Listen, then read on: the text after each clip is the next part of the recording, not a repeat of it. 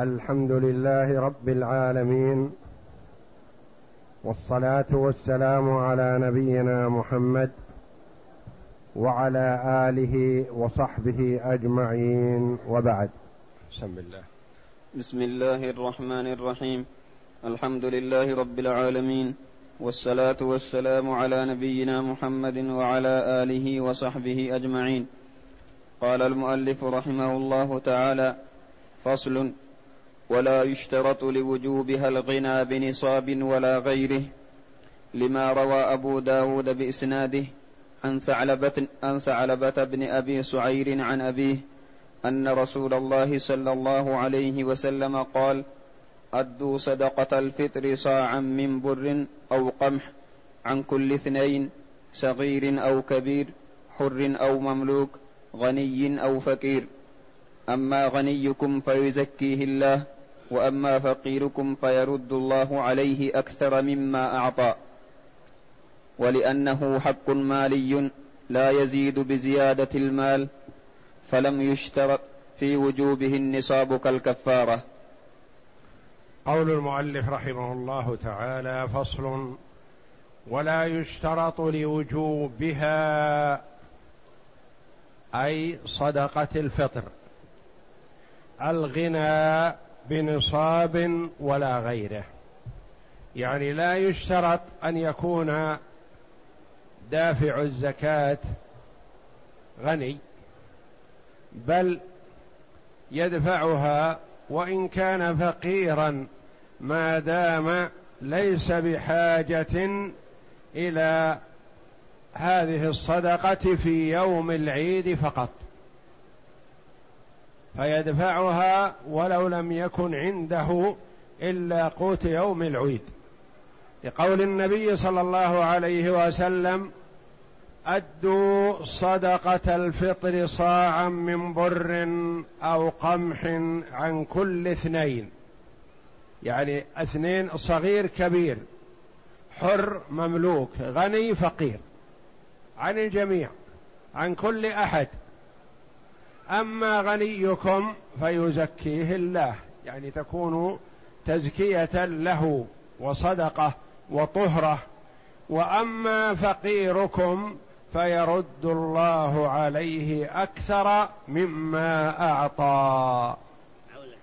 الفقير الغني يزكيه الله جل وعلا بهذا.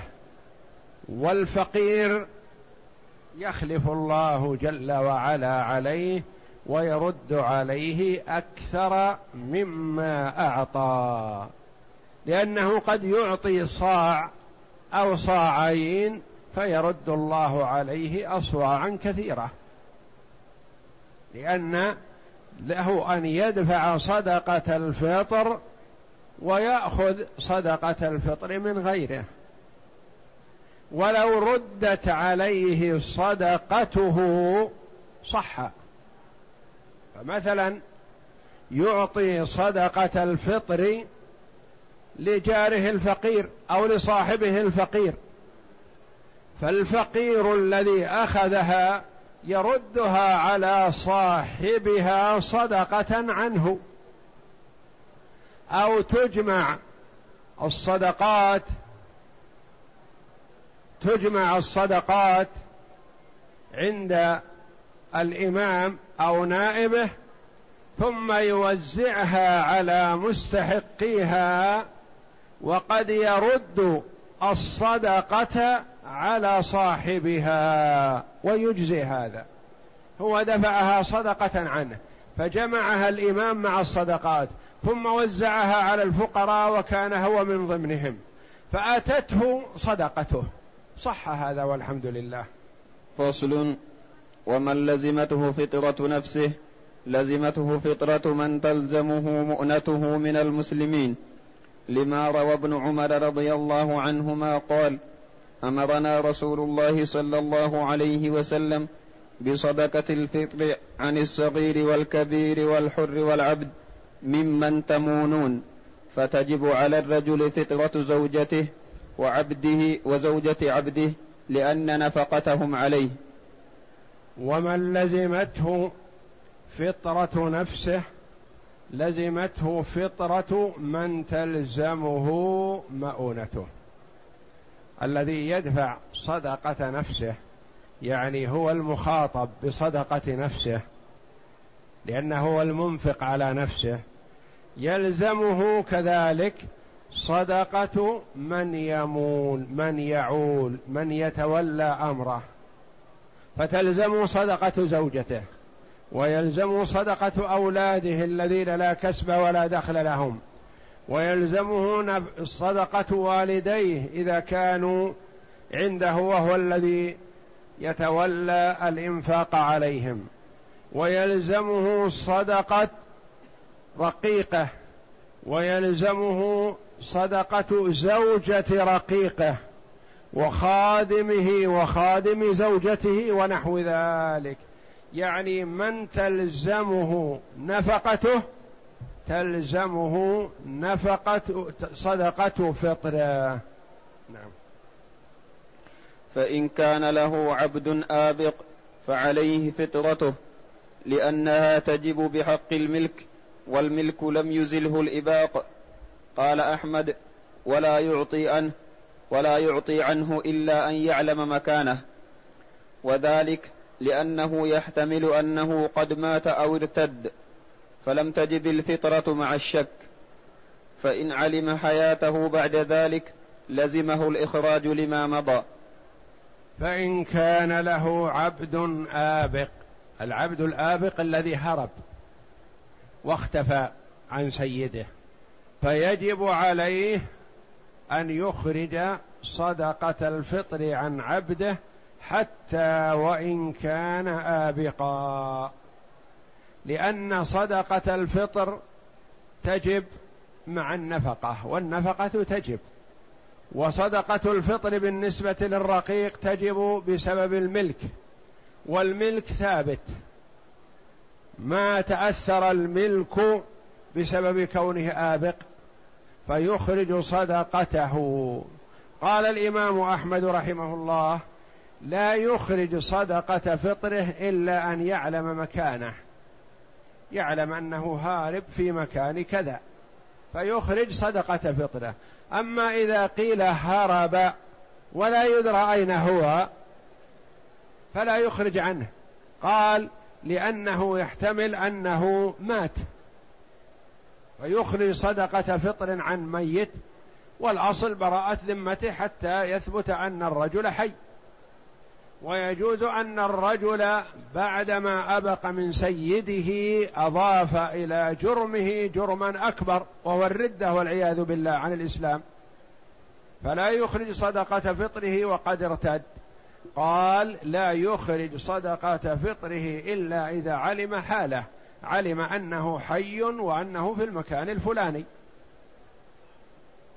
إذا جاء يوم العيد وهو لا يدري عنه شيئا يقول الأصل براءة ذمته ما يخرج عنه. إن علم بعد العيد بأيام فيخرج لما مضى. يقضي لأنه حق ثابت في ذمته وقد علم ثبوته فيخرج ولو بعد يوم العيد. نعم. وإن كانت له زوجة ناشز لم تلزمه فطرتها لأنه لا تلزمه نفقتها. وقال أبو الخطاب تلزمه فطرتها كما يلزم السيد فطرة عبده الآبق.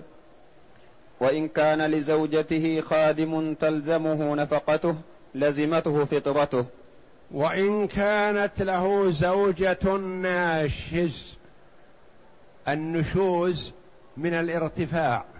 يقال هذا مكان نشز وناشز بمعنى مرتفع. يقال للزوجة ناشز إذا ترفعت عن زوجها. وهجرت بيت الطاعة. ما أطاعته. وأبعدت عنه.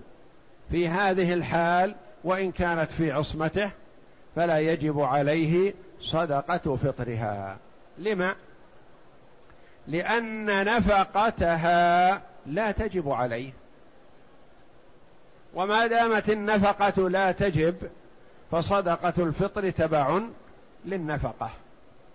فلا يجب عليه أن يخرج صدقة فطرها. قال أبو الخطاب أحد أئمة الحنابلة تلزمه فطرتها كما يلزم السيد فطرة عبده الآبق. تلزمه فطرتها. قال لما؟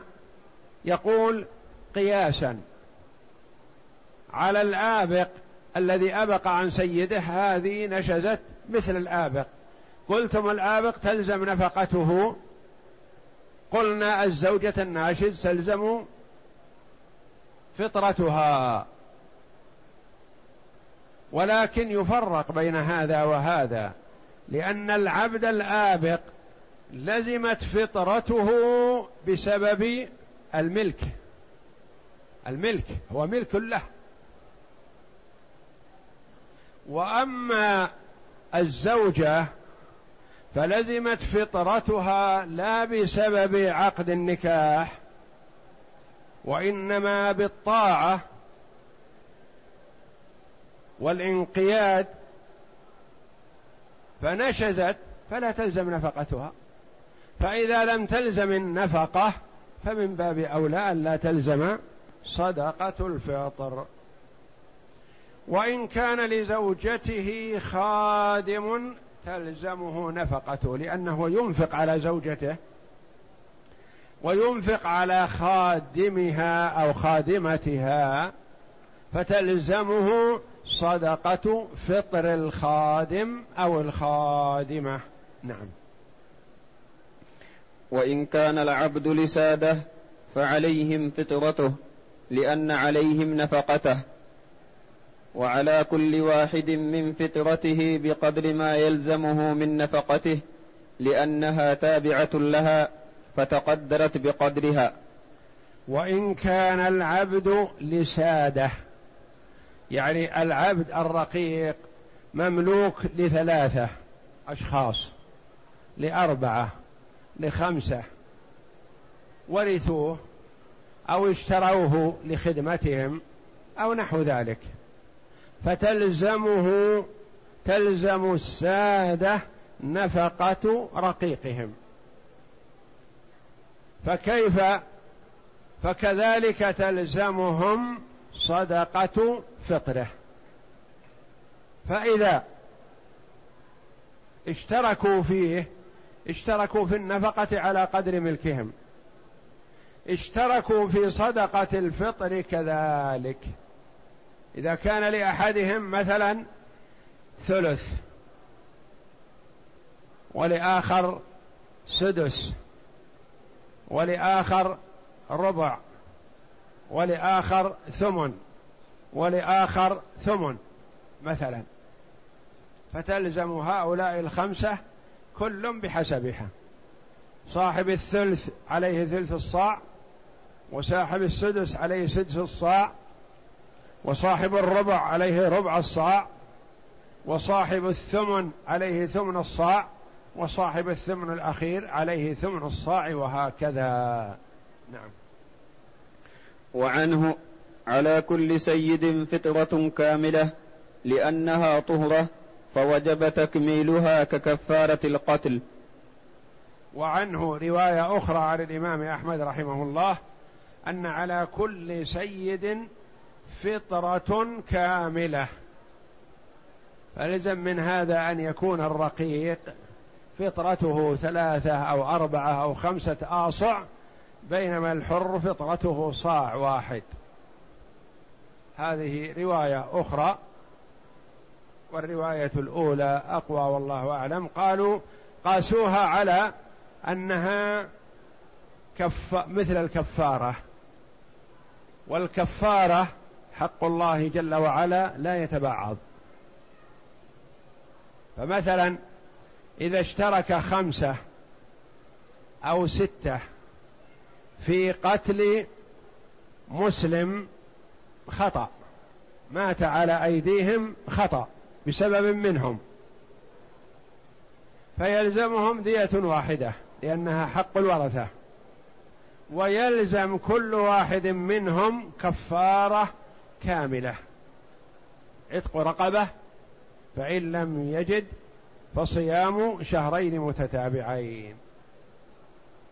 وهذا يحصل في تصادم السيارات ونحو ذلك فيموت بها أشخاص فيقال على هذا مثلا عشرة بالمئة من الخطأ وعلى هذا خمسين بالمئة من الخطأ وعلى هذا عشرين وعلى هذا عشرين بالمئة من الخطأ.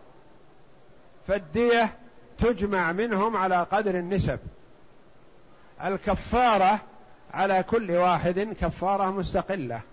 لأنه تسبب في قتل مسلم خطأ. فعليه كفارة كاملة وهي عتق رقبة فإن لم يجد فصيام شهرين متتابعين. ومن نصفه حر ففطرته عليه وعلى سيده على ما ذكرنا. ومن نصفه حر شخص مثلا رقيق بين اثنين. واحد أعتق نصيبه لوجه الله. الآخر قال أنا في حاجة إلى خدمة هذا الرقيق. ما أعتقه. صار نصفه حر ونصفه رقيق. يلزمه فطرة. من يدفع الفطرة؟ المالك لنصفه عليه نصف الفطرة. وعليه هو نصف الفطرة بكونه نصفه حر. لأن المبعض هذا الذي يسمى المبعض يملك ويرث ويورث بقدر ما فيه من الحرية. ويملك بقدر ما فيه من الحرية فيخرج صدقة فطر نفسه. يقول على ما ذكرنا لأن نفقته تلزم السيد وتلزمه هو مناصفة. فكذلك صدقة الفطر تكون بينهما مناصفة. ومن نفقته على اثنين من أقاربه أو الأمة التي نفقتها على سيدها وزوجها فطرتهما عليهما كذلك. ومن نفقته على اثنين من المعلوم أن المرأة إذا كان لا يستطيع الإنفاق على نفسه فنفقته على والده. ما وجد الوالد نفقته على الوالدة. ما وجدت الوالدة وجد ثلاثة إخوة منزلتهم واحدة كلهم أشقاء أو كلهم لأب. يلزمهم نفقة أخيهم هذا لأن الله جل وعلا قال وعلى الوارث مثل ذلك فالوارث عليه النفقة. ف صدقة الفطر عليهم على قدر ما عليهم من النفقة. هم ينفقون عليه مثلا نقول تلزمكم الثلاثة صدقة فطره لأنها تبع للنفقة ونفقته لزمتكم الثلاثة. نعم. ومن تكفل والأمة التي نفقتها على سيدها وزوجها أمة مثلا تزوجها شخص يملك حر أو رقيق ينفق عليه سيده. نفقتها على من تكون؟ على السيد بسبب الملك وعلى الزوج بسبب الزوجية والاستمتاع. فنفقتها عليهما فكذلك صدقة فطرها عليهما. نعم. ومن تكفل بمؤنة, شخص فمانه شهر رمضان فالمنصوص عن أحمد أن عليه فطرته لدخوله في عموم قوله ممن تمونون. ومن تكفل بمؤونة شخص فمانه يعني أنفق عليه في شهر رمضان. قال شخص لآخر نفقتك في شهر رمضان كلها علي. وأنفق عليه في شهر رمضان. فهل تلزمه صدقة فطرة؟ نعم لأنها تبع للنفقة. والنفقة التزم بها فكذلك يلتزم بصدقة الفطر. نعم. واختار أبو الخطاب أنه لا تلزمه فطرته كما لا تلزمه نفقته. وحمل الخبر على من تلزمه المؤنة بدليل وجوبها على الآبق. واختار أبو الخطاب من أئمة الحنابلة أنه لا تلزمه فطرته. يقول ما عليه؟ ما دام تبرع هو متبرع بنفقته في رمضان. لا تلزمه. إن تبرع بها فحسن وإلا من حيث اللزوم فلا تلزم. نقول له ما تقول في الحديث؟ وعلى من تمونونه وعلى من تمونون؟ يقول نعم. وعلى من تمونون يعني يلزمكم نفقته. أما هذا الذي جاءت نفقته على سبيل التبرع فصدقة الفطر كذلك. لا تجب وجوبا وإنما إن تبرع بها فحسن وإلا فلا تلزمه. وحمل الخبر على من تلزمه المؤونة. يعني هذا الخبر الذي هو الحديث. في قوله صلى الله عليه وسلم في حديث ابن عمر أمرنا رسول الله صلى الله عليه وسلم بصدقة الفطر عن الصغير والكبير والحر والعبد ممن تمونون. يقول ممن تمونون القصد ممن تجب عليكم مؤونته. أما من لا تجب عليكم المؤونة وإنما جاءت على سبيل التبرع فكذلك صدقة الفطر إن تبرع بها فحسن. وإن لم يتبرع بها فلا تلزموه ومن ملكه عند الغروب ولم يمنهما بدليل وجوبها على الآبق. نعم. ومن ملكه عند الغروب ولم يمنهما وسقوطها عمن مات أو أعتق قبل الغروب وقد مانه.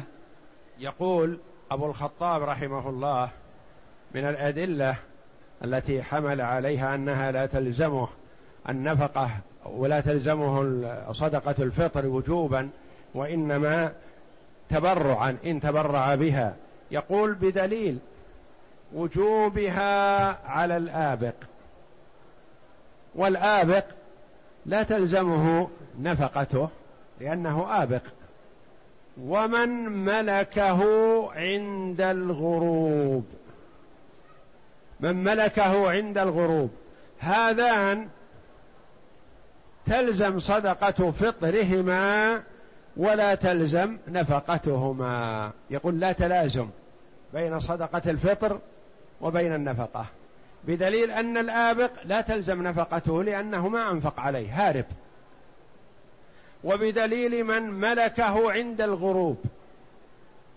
عند الغروب تلزم فطرته وإن لم يمنه في رمضان.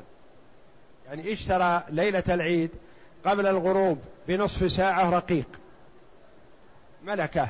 قبل الغروب بنصف ساعة. تلزمه صدقة فطرة. لأن وقت الغروب هو في ملكه. مع أنه لم ينفق عليه شيء في رمضان. فلا تلازم بين النفقة وبين صدقة الفطر. كذلك الآبق ما أنفق عليه لأنه هارب وقلنا تلزمه صدقة فطره. نعم. فصل لا لا بجي. ومن ملكه عند الغروب. ولم يمنعهما. ولم يم ولم يمنهما. نعم ولم يمنهما. ولم وسقوطها عمن. نعم. وسقوطها عمن مات وسقوطها عمن مات أو أعتق قبل الغروب وقد مانه. مات أو أعتق قبل الغروب.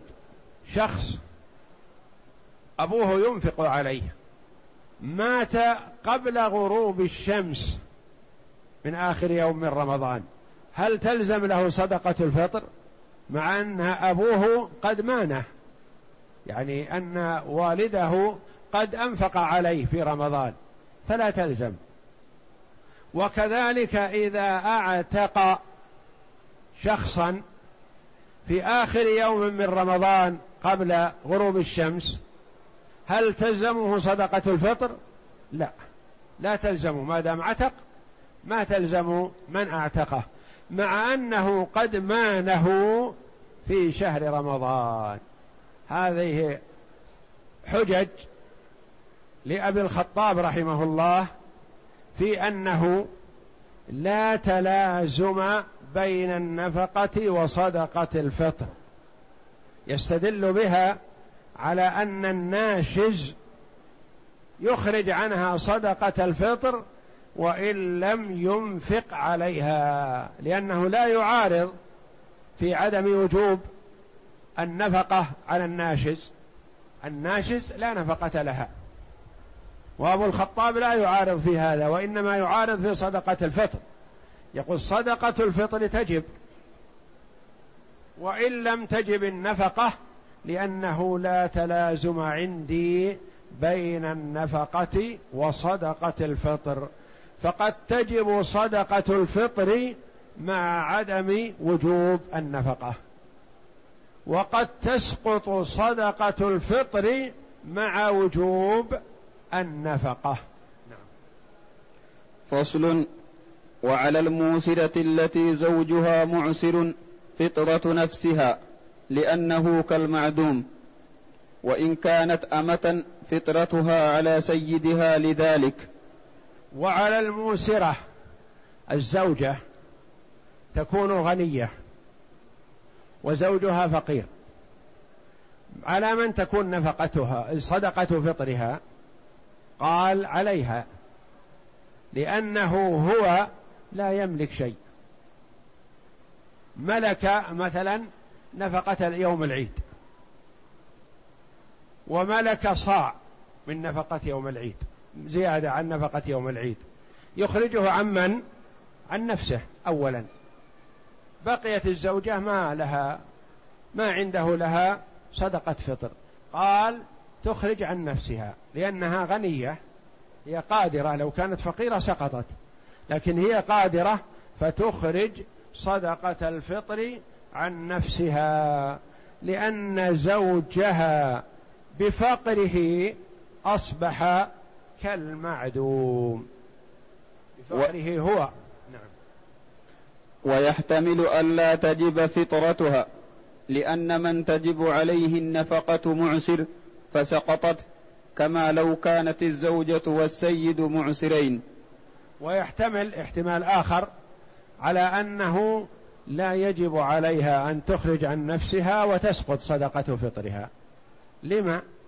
لأن صدقة فطرها ليست عليها وإنما على غيرها. والغير هذا معسر فصدق فصدقت فسقطت. فليس عليها صدقة فطر حتى وإن كانت غنية ما دام زوجها فقير معسر. قال كما لو كانت الزوجة والسيد معسرين. إذا كانت الزوجة معسرة والزوج معسر ألا تسقط صدقة الفطر؟ كذلك تسقط. إذا كانت إذا كان الزوج والسيد كذلك معسرين بحق الأمة زوجها معسر وزوجها وسيدها معسر فتسقط صدقة فطرها. ومن لزمت فطرته غيره فأخرجها عن نفسه بغير إذنه ففيه وجهان. أحدهما يجزئه لأدائه ما عليه والثاني لا يجزئه لأنها تجب على غيره فلا يجزئ إخراجها بغير إذن من وجبت عليه كزكاة المال. ومن لزمت فطرته غيره. الزوجة فطرتها على زوجها. الزوج مسافر وأخرجت عن نفسها هل تجزئ أو لا؟ وجهان. قيل تجزئ لأن هذه صدقة فطرها وأخرجت عن نفسها مثل الواجب الذي عليها إذا أدته. القول الآخر أنها لا تجزئ إلا بإذن ممن تجب عليه صدقته. قالوا لأن ذاك هو المخاطب بصدقة الفطر. وهو الذي يجب عليه أن يخرجها والزوجة ما يجب عليها أن تخرج عن نفسها. فإذا أخرجت عن نفسها كانت بمثابة من أخرج صدقة مال فلان بدون علمه بار بأبيه. ويرى أباه مقصر في الزكاة. فأخرج زكاة ينويها صدقة مال أبيه. والأب لم يعلم. هل تجزئ؟ لا. لأن المخاطب بالصدقة والزكاة هو صاحب المال. فإذا أخرجها عنه غيره بدون إذنه فلا تجزئ. أما إذا كان بإذنه اجزات كأن يقول لأبيه ائذن لي في أن أخرج زكاة مالك من مالي. فيقول الأب أذنت لك. أجزأت عن الأب وصحت. لكن إذا كان الولد قد أخرج بدون علم أبيه أو الجار أخرج صدقة مال جاره بدون علمه فلا تجزئ لأن صاحب المال هو المكلف بالصدقة فإذا أخرجها عنه غيره وهو لا يعلم فلا تجزئ. أما إذا علم فلا بأس بذلك. ولهذا قالوا صدقة الفطر إذا كانت واجبة على شخص وأخرجها المرء عن نفسه ولم يعلم من هي تجب عليه لا تجزئ. كأن يكون الولد مثلا فقير في بيت أبيه وأبوه هو المنفق عليه. على من تجب صدقة الفطر؟ على الأب. الولد رزق ليلة العيد صاع فقال أتصدق به عن نفسي ولم يعلم والده. هل يجزئ؟ هذا المحل خلاف.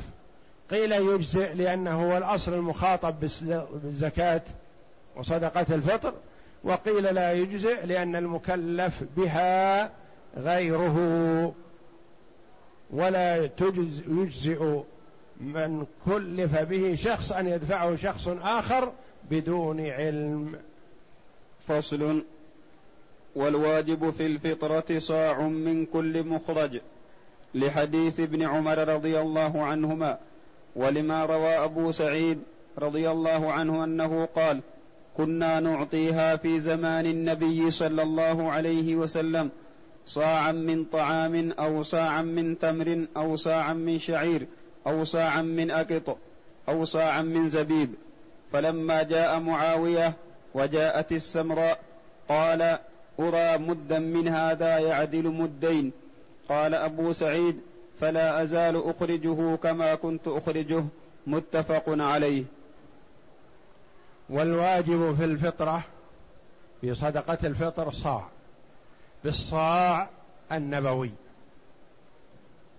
من كل مخرج يعني من التمر صاع أو من الشعير صاع أو من البر صاع أو من الزبيب صاع أو من الأقط صاع.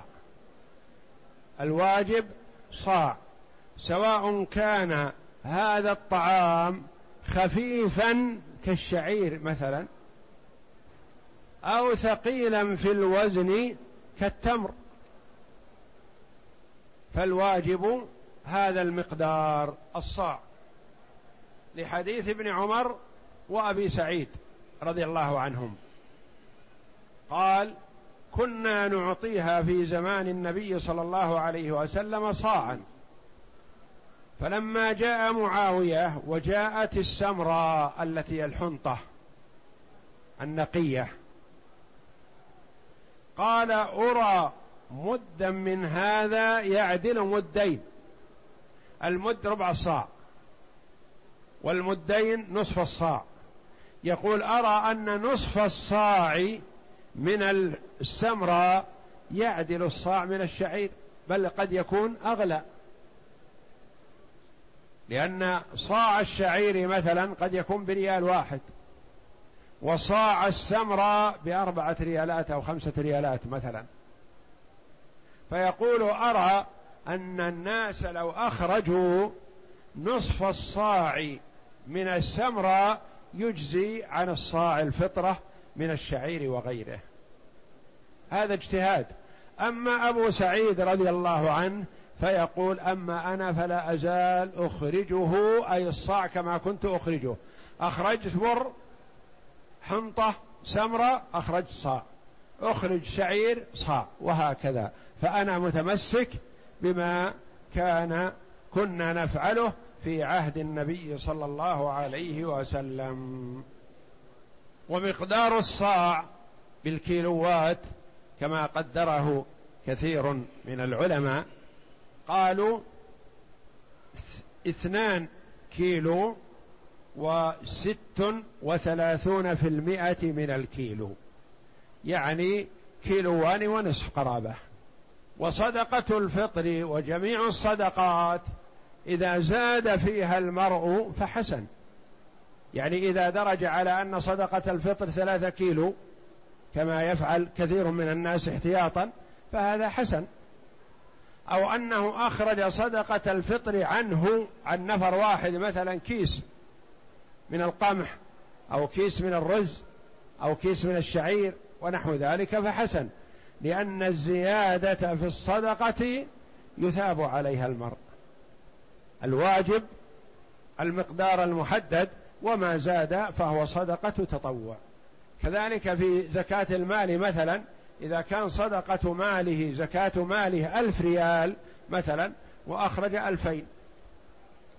فحسن. لأن الزيادة في الصدقة مستحبة. بخلاف الزيادة في العبادات البدنية فلا. صلاة الظهر مثلا أربع ركعات. لو زاد خامسة بطلت صلاته. كيلوان وستة وثلاثون في المئة من الكيلو. يعني قرابة كيلوين ونصف. نعم. ومن قدر على هذه الأصناف الأربعة لم يجزئه غيرها لأنها المنصوص عليها. وأيها أخرج أجزأه سواء كانت قوته أو لم تكن لظاهر الخبر. ومن قدر على هذه الأصناف الأربعة البر والشعير والتمر والزبيب. والخامس هو الأقط. قال لا يجزئه أن يدفع غيرها. هذا كلام الموفق رحمه الله المؤلف. والقول الآخر أنه يجزئ كل ما كان من قوت البلد. كالأرز مثلا والذرة والدخن وغير ذلك من الحبوب التي اعتاد أهل البلد أن يقتاتوها. قال بعضهم حتى وإن كانت من غير ذلك كاللحم مثلا وكالسمك مثلا قوتهم السمك. يدفع صدقة الفطر من السمك. قوتهم اللحم مثلا. ما عندهم أخط وإنما عندهم لحم. فيدفع صدقة الفطر من اللحم سواء كانت قوته أو لم تكن لظاهر الخبر. يعني حتى ولو لم تكن قوته هو. مثلا أخرج صدقة الفطر عن نفسه تمرا وهو لا يأكل التمر وإنما يأكل غيره.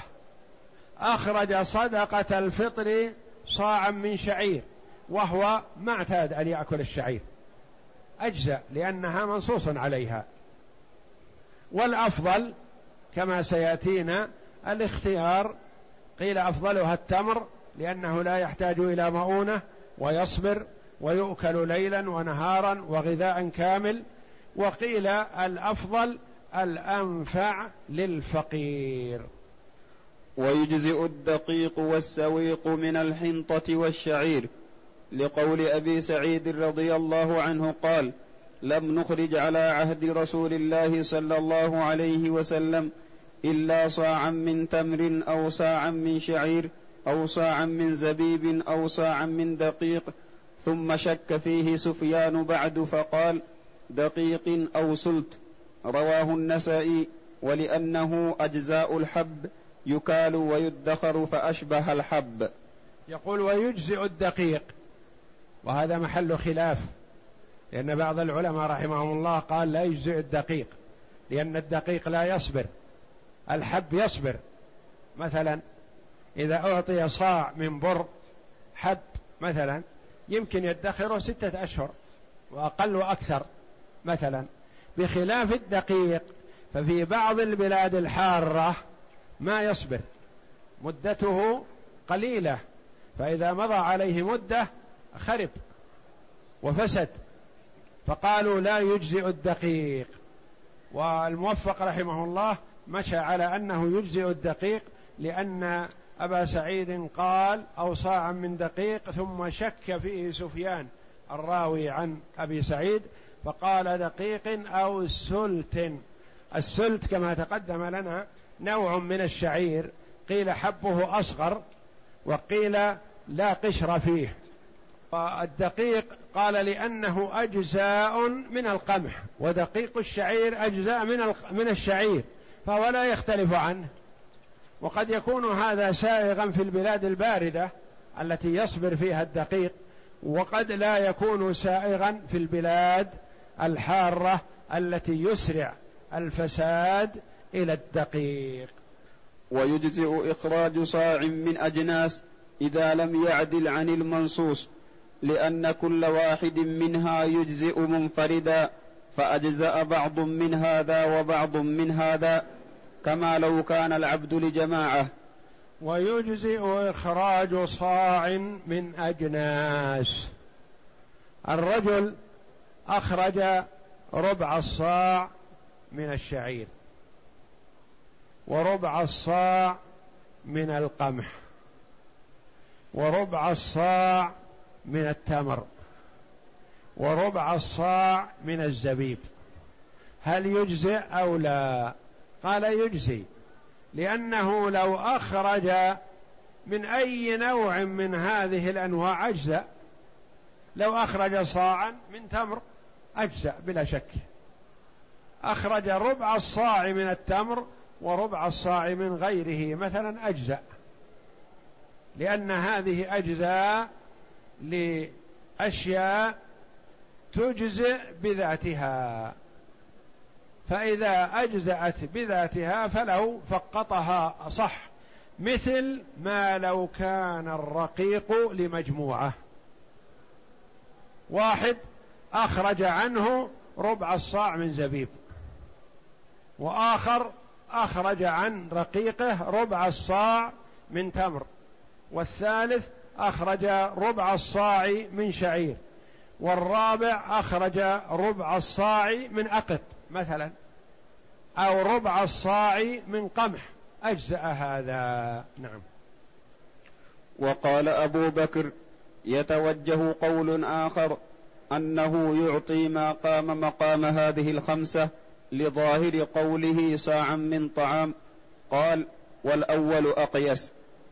وقال أبو بكر من أئمة الحنابلة يتوجه قول آخر وهو أن يعطي ما قام مقام هذه الخمسة. يعني ما كان الناس يقتاتونه مثل الأرز مثلا أو الذرة أو غيرها. يجزئ مع وجود هذه الأصناف. لقوله صلى الله عليه وسلم في الحديث صاعا من طعام وكلمة طعام تشمل ما يطعم ويؤكل ويقتاته الناس. نعم. يقول والأول أقيس يعني أن تكون من هذه الخمسة أفضل. وفي الأقط روايتان إحداهما يجزئ إخراجه مع وجود غيره لأنه في الخبر والثانية لا يجزئ إلا عند عدم الأصناف. قال الخرقي إن أعطى أهل البادية الأقط أجزأ إذا كان قوتهم. وذلك لأنه لا لأنه لا يجزئ الكفارة ولا لا يجزئ في الكفارة ولا تجب الزكاة فيه. وفي الأقط الأقط وهو اللبن المجفف المشمس روايتان. إحداهما يجزئ مطلقا. حتى ولو كان عند الإنسان بر وتمر وزبيب وكذا وأخرج أقط أجزأ. الرواية الثانية قال لا يخرج الأقط إلا من لا يجد الأصناف الأربعة. إذا لم يجد الأصناف الأربعة كأهل البادية مثلا ما عندهم بر ولا شعير ولا زبيب ولا تمر مثلا يخرجون الأقط لأنه هو قوتهم ففي هذا روايتان إحداهما يجزئ مطلقا والثانية لا يجزئ إلا عند عدم غيره. قالوا لما؟ قالوا لأنه لا يجزئ في الكفارة. فما دام أنه لا يجزئ في الكفارة فكذلك نقول لا يجزئ في صدقة الفطر إلا عند عدم غيره. وليس فيه زكاة. يعني لو جمع من الأقط الشيء الكثير ما وجب عليه أن يدفع زكاته لأنه ليس من الأصناف التي تجب فيها الزكاة. فإن عدم الخمسة أخرج ما قام مقامها من كل مقتات من الحب والثمر. وقال ابن حامد يخرجون من قوتهم أي شيء كان كالذرة والدخن ولحوم الحيتان والأنعام. فإن عدم الخمسة المنصوص عليها البر والشعير والتمر والزبيب والأقط. هذه الخمسة. يخرج ما قام مقامهما من كل مقتات يعني من كل ما يقتاته الناس. يأكلونه. يأكلونه قوتا لا تفكها. كالفاكهة مثلا لا تجزئ. وكالسكر مثلا أو السكر مع الشاهي لا يجزي لأنه ليس من الأشياء المقتاتة وإنما تؤكل تفكها وتلذذا بها لا أنها قوت.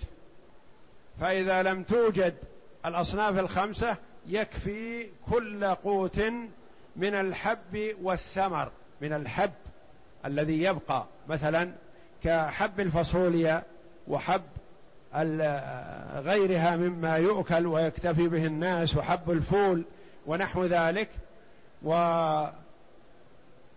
وقال ابن حامد رحمه الله يخرجون من قوتهم ايا كان. إذا كان قوتهم اللحم يخرجون لحما إذا كان قوتهم سمك يخرجون السمك. هذه أقوال العلماء رحمهم الله. والأخذ بالمنصوص عليه أو ما هو أغلى وأنفع للفقير أولى وأطيب كأن يختار الإنسان مثلا الأرز لأنه أحب إلى الفقير من الشعير ومن البر ومن غيرهما. والله أعلم.